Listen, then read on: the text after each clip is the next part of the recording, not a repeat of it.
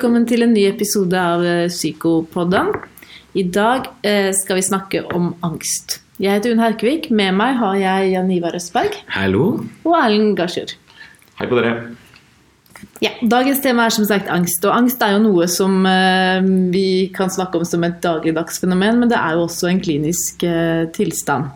Eh, hva, hva skal vi si, Anivar? Hva, hva- er egentlig angst? Angst er jo, ja, som du sa, noe vi alle kan kjenne på, eller har kjent på. ikke sant? Når vi, for eksempel, hvis du er student, sitter i auditoriet og skal stille et spørsmål, så kan man ofte kjenne på en liten angst, hvordan de andre reagerer på spørsmålet mitt, osv. Så, det, så det er jo en normalreaksjon. Når det er angstlidelsene, så er jo det egentlig en sånn eh, sekkebetegnelse for mange ulike forskjellige lidelser, sånn som mange andre psykiske lidelser også er. Det som kjennetegner angst, er vel en sånn indre uro, en spenning i kroppen, med en del sånn fysiologiske reaksjoner som kommer når man reagerer på eh, en eller annen, i, en, i en eller annen fryktsituasjon. Det er noe man frykter. Det som er liksom karakteristisk, er jo at eh, personene overdriver den frykten, eller den, den, den eh, objektet, skal vi si det, Erlend. Mm. At eh, det overdriver faren, da. Ikke sant? Og undervurderer hvordan eh, de ville mestre faren. Ikke sant? Fordi eh, Da beskriver du angst som noe som egentlig er eh, noe som er litt fornuftig hos oss, at vi reagerer på en ting, men så overstyres det. Det er Eh. veldig interessant, Unn, fordi eh, uten angst så hadde ikke mennesket overlevd. Altså. Vi evolusjonen så har det vært så viktig at vi kan ha den angstreaksjonen for ulike farer ute i naturen osv. Ikke sant? Så her er det kroppen vår som forteller deg noe er galt. Men hva er det egentlig som skjer, Erlend? Altså, når vi da får denne overstyringen, hva er det som skjer i kroppen vår da? Eller hvorfor, Ja. hvorfor, hvorfor eh, klarer vi ikke å regulere det selv? Nei, det kan, det, Jeg tror jeg kan begynne med å si hva det er som skjer, og så kan vi snakke litt om hvorfor vi ikke klarer å regulere det i etterkant. Men eh, fordi det som skjer, er jo det at altså, Jeg tror det er nyttig å ta parallellen til en fryktsituasjon og en fryktreaksjon. Vi har et alarmsystem eh, som har vært viktig for oss som en overlevelsesmekanisme i evolusjonen for å varsle oss om farer. Og det alarmsystemet er akkurat det samme som aktiveres ved angst. Så den fysiologiske aktiveringen vi ser ved angst, den er akkurat den samme som ved frykt. Eh, og Det som skjer er bl.a. det at eh, de, det vi kaller det limbiske systemet, og særlig da en kjerne av nerveceller som eh, ligger i hjernen som heter amygdala, aktiveres. Og Det igjen fører til en aktivering av en stressrespons, bl.a. utskillelse av adrenalin, noradrenalin, den type ting. I tillegg til at det autonome delen av nervesystemet også aktiveres og gjør, går liksom på høygir, da, den særlig den sympatiske delen av det autonome nervesystemet. Og det, fører, og det autonome nervesystemet til vanlig så eh, regulerer det en rekke fysiologiske funksjoner i kroppen vår som vi ikke tenker over. Eh, at på en måte går av seg selv, og det er da typisk altså hjertet slår, at vi puster, at magen behandler, eller at tarmen behandler maten vi spiser, spyttproduksjon, svette, den type ting. Vanligvis er dette ting som skjer av seg selv. Men når ved en angstreaksjon så på en måte aktiveres alle disse tingene, og plutselig blir det oss bevisst at plutselig så hjertet fortere, du puster fortere, du, magen kanskje du kan få litt sånn uro i magen, den type ting. Det er ikke sånn at alle merker alle tingene nødvendigvis. Det kan være sånn at Hvis du merker alt og du på en måte mister helt kontrollen, så får du liksom en panikk. ikke sant? Men noen kan merke dette litt mer sånn lavgradig. da. Men det er en hva skal man si, en fysiologisk og forståelig aktivering. Så er det sånn at det er tilbake til det du sa med miste kontrollen, eller hva, hva det som skjer, er jo det når ting som vanligvis er ubevisst, eller på en måte ubevisste funksjoner, plutselig på en måte løper litt løpsk, da, så kan man få liksom åh, nå er jeg i ferd med å miste kontrollen, eller eh, ja. Det er en ganske naturlig antakelse på. Ja, Samtidig ikke sant, så begynner du å tolke disse symptomene, og da kan jo den der dødsfrykten komme, eller den der sykdoms og sykdomsfrykten, at noe er galt. ikke sant, Hjerteinfarkt, noe med lungene, et eller annet Ja, ikke sant? For nå beskriver Du du sa jo det, at eh, dette her kan jo gi seg ulike utslag hos ulike personer. Ikke sant? Noen ganger så er det hjerte, blir man eh, redd for at hjertet slår for fort, og man kan bli redd for å dø. Andre ganger så er det andre konkrete ting man kan bli redd for. Ja, Og det, det stemmer litt med at vi på en måte, så, som leger så grupperer vi jo eh, angstlidelsene inn i ulike grupper. Altså Angst som fenomen er én ting, og så har vi ulike angstlidelser når vi da mister denne kontrollen. Eh, og, og, og hvordan deler vi opp dette, Jan Ivar? Vi deler det inn i for, forskjellige lidelser, som du sier. Vi har panikklidelse. som er liksom at du Det sier seg jo litt selv. ikke sant? Du får fullstendig panikk. Frykter at du skal dø. eh, Hyperventilerer, kaldsvetter, hjertet slår uregelmessig veldig fort. Uro i magen. ikke sant? Det er hele det systemet som Erlend akkurat beskrev, blir aktivert. Og da løper man jo ofte fort til legen for, fordi man frykter at det er et hjerteinfarkt, eller prøver å komme ut av situasjonen da, som man anser som veldig, veldig farlig. Så har man Så det er en sånn veldig sånn sterk fysisk Veldig reaksjon. sterk eh, fysisk. Men når, når, når det skal sies, så er det jo mange som har hatt et panikkanfall i løpet av liv, eh, livet sitt. Så det som, for, for at vi skal si at det er en panikklidelse, så må du ha hatt gjentatte panikkanfall. Kanskje fire stykker i løpet av den siste måneden, ikke sant? før vi sier at det er en panikklidelse. Og da går det jo på funksjonen og alt sammen at eh, vi stiller den diagnosen. Og så er det en annen type ting som i hvert fall er den, måte den isolerte panikklidelsen da, vil også typisk oppstå helt sånn uprovosert. Eh, at den ikke i tilknytning til noen situasjoner. Men så er det også sånn at det kan være i ledd av en, måte, at det oppstår i noen spesifikke situasjoner. Da. Det prøver liksom å dele mellom de som bare får dette i en måte sånn at det kommer som kastet på dem uten at det er noe spesifikk trigger. Og så er det noen som kan få det i noen spesifikke situasjoner. Da. Det, det, er, det er veldig viktig. ikke sant? Vi sier ofte at det kommer out of the blue. Bare kastet på dem. Og det er kjempe, kjempeviktig. Så panikklidelse det er en av de eh, vanlige eh, angstlidelsene. Hvilke andre vil du trekke fram? Sosial fobi, eller sosial angst, som er den hyppigste av disse angstlidelsene, det er den frykten folk kan ha eh, for å bli eh, kritisert, negativt evaluert, sånn at alle tenker at alle tenker at ikke duger. Og som, som hindrer deg i å gå ut og være sammen med andre mennesker hele tiden. Ganske sånn sosialt hemmende eh, lidelse. Så har vi de mer eh, også kanskje den vanligste, de spesifikke fobiene. Hvor du er redd for spesifikke ting. F.eks. nåler, eller det å fly, eller ta heisen, eller, eller Edderkopper. edderkopper. Eller slanger. Det er ofte skummelt. vet du. Men her kommer jo også den der evolusjonen opp igjen. ikke sant? For det var jo lurt å være redd for edderkopper og slanger før. ikke sant? For de var giftige og farlige. Ja, er det ikke fortsatt lurt å være redd for? Jo, det er det, vet du. Erlend er litt pinglete her. Jeg synes at det, jeg har veldig forståelse for de som har, eh, har fobi for slanger. Altså. Det syns jeg er eh, ekkelt selv. Ja, Edderkopper også. Og høyder. og høyder, ikke minst. Men hva med, hva med mer sånn eh? Nå har vi snakket litt om spesifikke fobier og å være redd for at det er på en måte et objekt for, eh, for, for redselen. var mer sånn generalisert eh, tilstander? Generalisert angst? Eh, ja, og det er jo der altså Noen opplever jo at, man, at angsten er mer frittflytende. Dvs. Si at den er, på en måte, man er, har en sånn aktivering hele tiden. Og den, at man går rundt og er bekymret for en rekke ulike ting i livet og ulike aktiviteter og hendelser.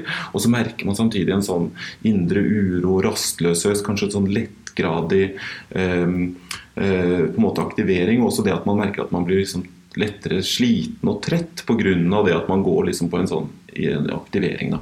Og det er, da kaller man det, Hvis det på en måte påvirker hverdagen altså over tid, da, og særlig der er det sånn at det skal, hvis man har pågått i minst seks måneder, så kaller man det mer en sånn generalisert angstlidelse. Og da skal på en måte ikke angsten være på en måte eh, kun i noen enkeltsituasjoner. Ja. Mm.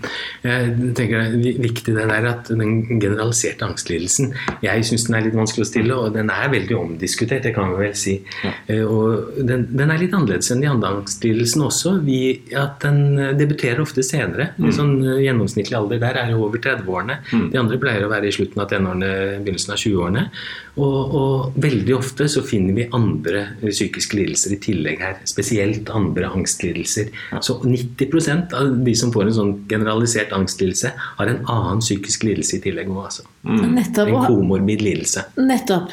Så det vi eh, på en måte ser her, er at det finnes mange ulike måter eh, angsten uttrykker seg på. Men hvordan stiller man egentlig en angstdiagnose? Hvordan skiller man dette fra å være et normalt fenomen, og hvordan skiller man de ulike Ja, Fra at- andre? Ja, ikke sant. Og det, altså hvis vi snak, først snakker om diagnostikk, da, så er det jo også sånn at vi bruker ofte da strukturerte intervjuer. For det, for det første så har du et Altså du vil jo snakke med pasienten om dette, og intervjue dem var, var de Det er alltid en god start. Ja, det er greit. og De, de beskriver liksom som, hvordan ting plager dem, og hvordan det påvirker funksjonen i hverdagen. ikke sant? For det er jo hele tiden sånn at det er jo påvirkning av fungering i hverdagen som er det viktige når du skal på en måte kalle det sykelig eller ikke. ikke sant? Eh, så hvis det ikke har noen påvirkning av hverdagen, så er en sånn lettgradig angstaktivering ikke noe vi skal nødvendigvis behandle eller kalle sykdom. Og Når du snakker om påvirkning i hverdagen, hva slags type ting kan det være? Nei, Det kan være f.eks. det at hvis man har en sosial angst, da, så er det sånn at man aldri eh, eh, sier noe høyt i klassen eh, pga. at man vegrer seg for, å, eh, for det pga. angsten. Eh, eller det at noen kan bli så eh, aktivert av angsten når de står foran noen, at de bare må avbryte. Og Det er et gjentagende mønster, og det måte oppleves som veldig ubehagelig. Da vil man tenke at dette er mer enn det som på en måte er å forvente, og kanskje representere et problem. da. Så Det er en sånn type påvirkning av Typisk som fungering. da. unngåelsesatferd. Ja, ofte vil det ende opp med det at man begynner å unngå de tingene som har utløst angsten tidligere. da. Det tenker jeg er kjempeviktig. Akkurat jeg tenkte på når Erlend sa det. Den der unngåelsen blir en snakk trygghetsatferd. ikke sant? De har opplevd i en situasjon at de får, eh, får et panikkanfall eller får en negativ opplevelse. Så unngår de å gå i butikken og handle melk. De unngår å ta bussen, de unngår å gå ut, de unngår å trene. Og, og, og det er jo trygt der og da, men, men eh, når vi kommer til behandling etterpå, så er nettopp den der å eksponere seg for disse tingene veldig, veldig viktig. Og det, er, det der illustrerer nettopp Jan Ivar sier at det som kan oppleves som fornuftig på kort sikt, er ikke nødvendigvis det som eh, er det riktige på lang sikt. Mm. Det er nemlig sånn at Når man da skal diagnostisere angstlidelser, så bruker man strukturerte intervjuer, Ja. og man på en måte prøver å finne ut hvor mye påvirker dette. Ja, og nå I Norge da, så er det typisk når vi snakker om strukturerte intervjuer, så er det særlig det som heter Mini eller Mini pluss, da, eh, som man eh, bruker i diagnostikken eh, på f.eks. en eh, distriktspsykiatrisk poliklinikk. Eh, ja. mm. Eller hos fastlegen, eller Ja, nå, eh, hvor mye det skal jeg ikke si, hvor mye fastlegene bruker eh, Jeg tror de bruker Mini ganske Ja, utbredt. Ja. ja, Ja, ja. Det er mitt inntrykk. i hvert Ja, fall. så bra. Mm. Det er veldig bra hvis de Hvis gjør det. Hvis noen fastlege hører på, så kan de skrive inn og fortelle oss hvor mye de bruker, hva, de, hva de bruker, hvor mye de bruker det.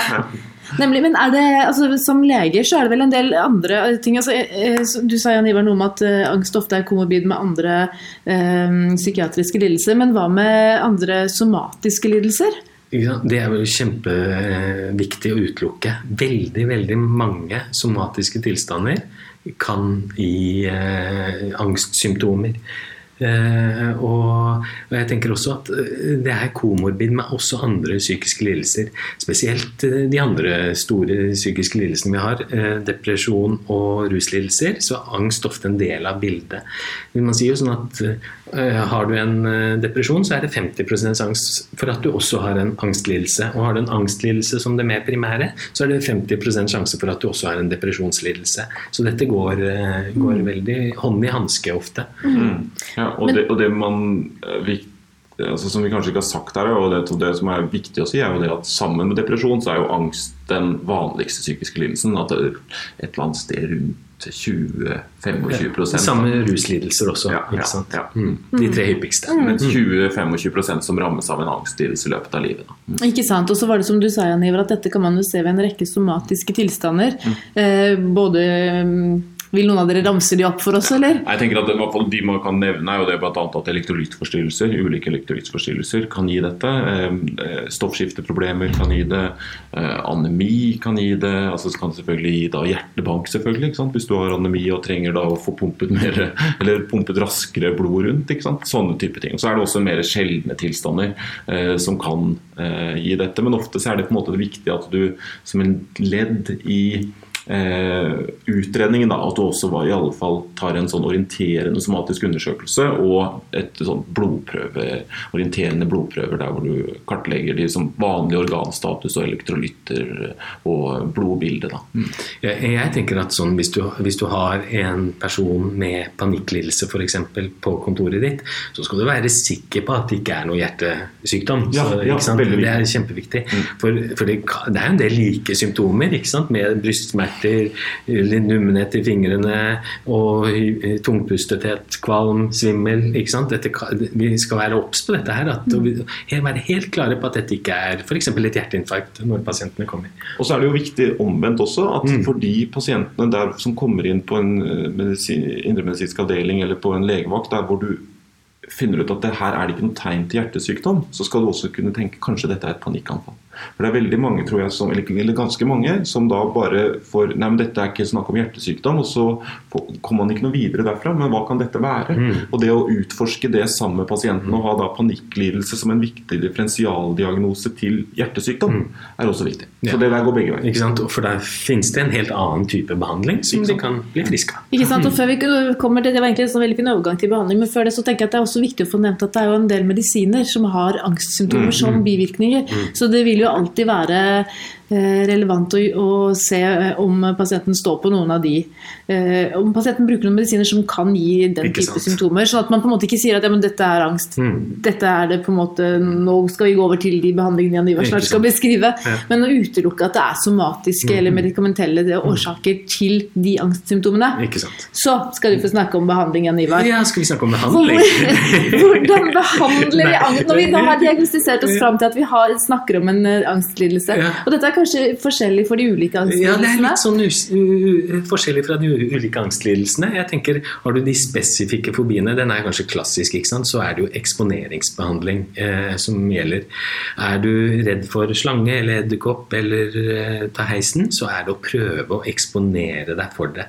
Det er veldig, veldig ubehagelig når du holder på. Men når- vi klarer du etter hvert å være i situasjonen, så vil den personen med den angstlidelsen kjenne at det går over. Og neste gang de oppsøker situasjonen, så blir, vil den bli mindre og mindre plagsom. Og så vil den etter hvert bli helt borte. Så eksponeringsbehandling, veldig veldig virksom, men, og veldig veldig ubehagelig. Så det må man ofte eh, gjøre sammen med pasienten i starten. Mm. Eh, For andre ting så er det jo ulike samtaleterapier. Eh, Kognitiv terapi f.eks. er veldig godt dokumentert ved panikklidelser og sosial angstlidelser og, og agorafobier. Mm. Da, da går det jo på hvordan de ofte har bekymringstanker, hvordan de har katastrofetanker om hva som vil komme til å skje eh, senere, som, som man prøver å få mer realistiske. da. Så man på en måte få kontroll over den, eh, det man har mista kontroll over? Ikke sant? Og, og, og spesielt det også å prøve å hindre den unngåelsesatferden. ikke sant? Hvis man blir veldig redd, så er det jo helt naturlig at man prøver å flykte fra situasjonen. Og prøve, prøve å være i situasjonen. Prøv å holde deg der. Ikke bruk noe trygghetsatferd nå. eh, Og så vil du merke etter hvert at denne, denne går over.